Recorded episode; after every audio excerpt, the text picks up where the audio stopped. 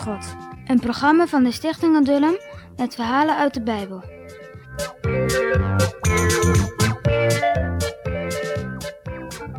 In de vorige uitzendingen hebben we gezien hoeveel dat volk Israël wel had meegemaakt in de woestijn. Maar je moet ook niet vergeten dat Mozes het er wel heel erg moeilijk mee heeft gehad. Jonge, jonge, jonge, wat waren die Israëlieten ongehoorzaam. Vaak wilden ze Mozes stenigen. Zelfs zijn eigen zus Mirjam komt een keer in opstand tegen Mozes, maar dat is een heel ander verhaal. Maar ook de Heere God was vermoeid geworden. Je zou zeggen, hoe kan dat nou? Hoe kan de Heere God nou moe worden? Er staat toch in de Bijbel dat hij nooit moe wordt en ook niet slaapt? Dat is wel zo. Maar de Heere God spreekt soms op een hele menselijke manier, om te laten zien dat hij vermoeid is van de ongehoorzaamheid die wij soms ook wel hebben.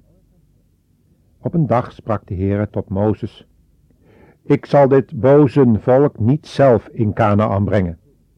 Ik heb het beloofd en daarom zal ik het doen, maar ik zal een engel voor hun aangezicht zenden en die zal ze in het land brengen. De mensen en ook Mozes schrokken ervan toen ze dat hoorden. Maar Mozes werd heel bedroefd.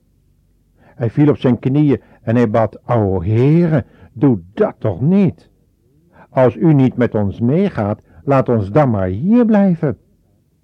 En de Heere, die zo goed is, verhoorde het gebed van Mozes weer. Met een blij hart ging Mozes toen de berg af, naar het kamp.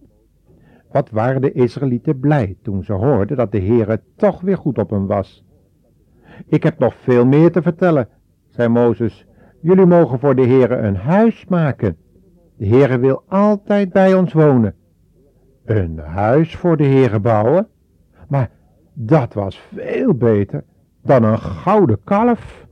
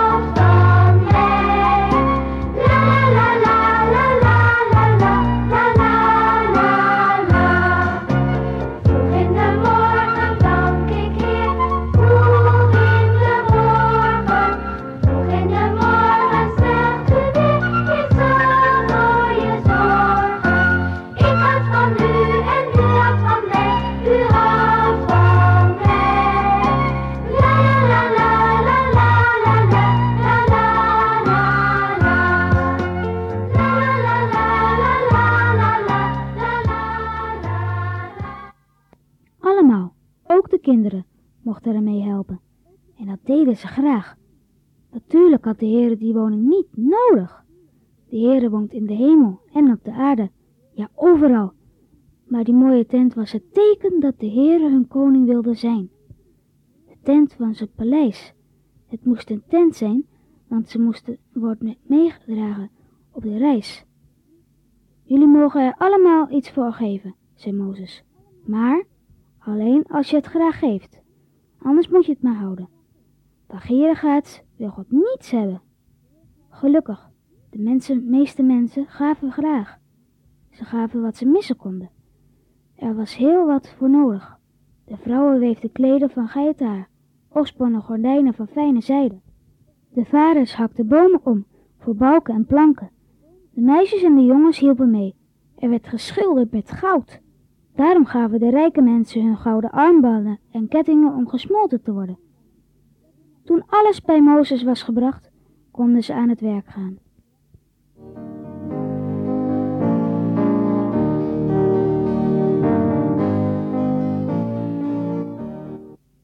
Twee mannen werden door de heren aangewezen als opzichters. Dat waren Bezaliel en Aholiab. God had hun veel wijsheid gegeven. Het werden blijde dagen. Onder het werk werd er gezongen door de mensen. Wat was dat fijn. Ze zongen liederen tot eer van God. En toen het huis klaar was, keek iedereen blij. Zo was het. Zo mooi. Het dak en de wanden waren hemelsblauw en purper gekleurd. Van binnen waren mooie bloemen op de gordijnen geborduurd. Overal schitterde het van koper en goud. De tent noemden ze de tabernakel. En rondom was er een hek van gordijnen, helemaal wit. Daarbinnen was een tuin, de voorhof. Hier kwamen de Israëlieten samen om de Heer hun schaapjes te offeren op het altaar en om de Heer te zingen en te prijzen.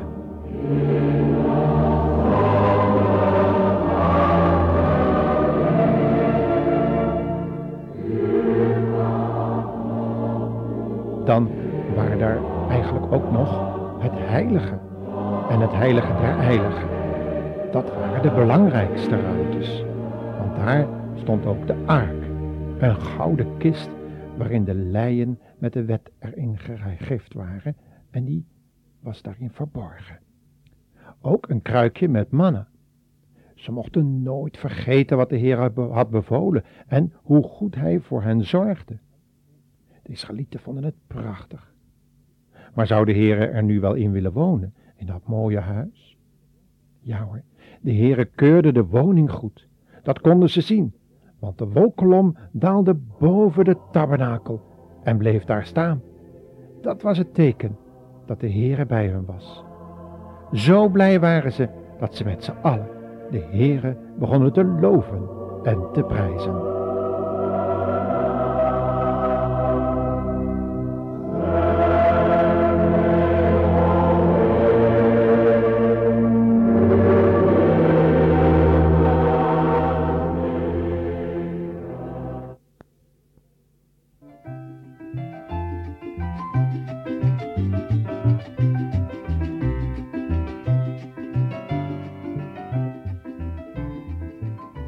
En dan nu de quizvraag.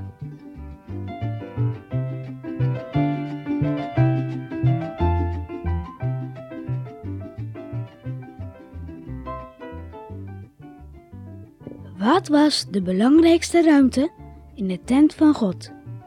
Dus nog een keer. Wat was de belangrijkste ruimte in de tent van God?